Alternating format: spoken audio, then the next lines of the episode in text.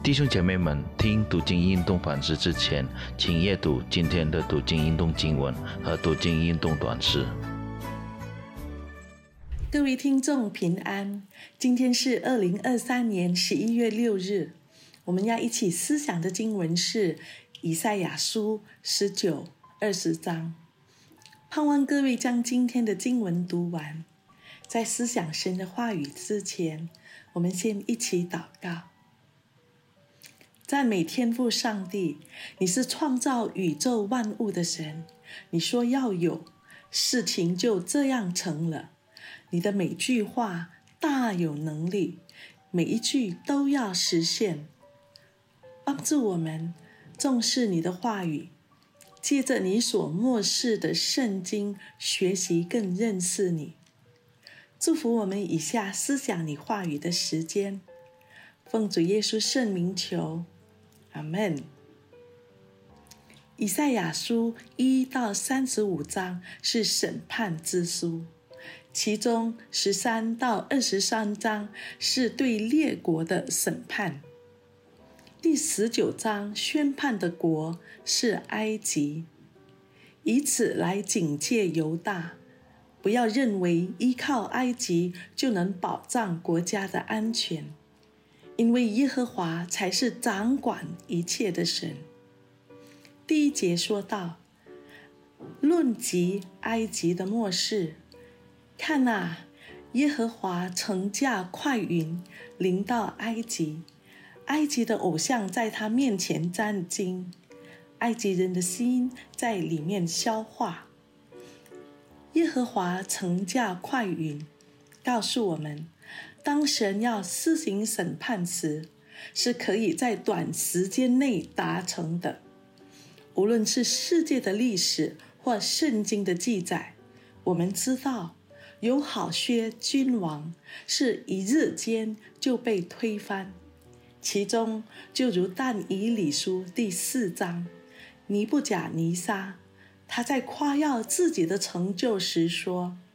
这大巴比伦不是我用大能大力建为京都，要显我威严的荣耀吗？但是圣经紧接着就说明，这话在王口中尚未说完，有声音从天降下说：“尼布甲尼撒王啊，有话对你说，你的国位离开你了。”当时这话就应验在尼布甲尼撒的身上。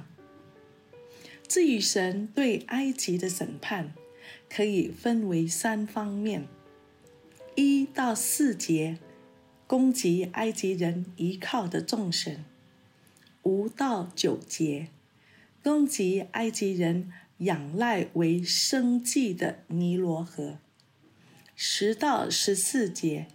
攻击埃及人引以为傲的智慧。然而，埃及在面对神施行审判时，却一点都没有抵挡的能力。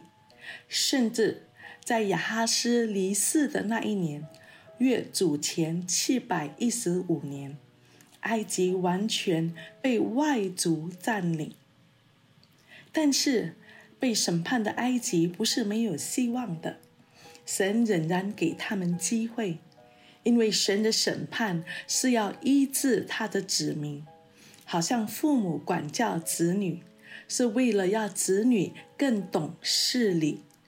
就如二十二节所说的，耶和华必击打埃及，又击打又医治，埃及人就归向耶和华。他必应允他们的祷告，医治他们。第二十章的内容清楚的看见，先知以赛亚宣告埃及受的审判是要告诫犹大，唯有耶和华才能成为他们真正的依靠，因为唯独他掌管一切，超越一切。若是依靠别的，下场就会跟以色列一样。二十章第五、第六节说：“以色列人必因所仰望的古时，所夸耀的埃及，惊慌羞愧。那时，这沿海一带的居民必说：“看哪，我们素所仰望的，就是我们为脱离亚述王逃亡求救的，不过是如此。我们怎能逃脱呢？”埃及古时被神审判时，毫无抵挡之力。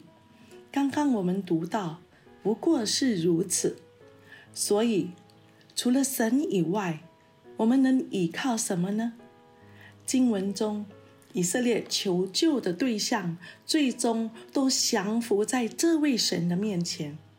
神的儿女为什么不直接求告他？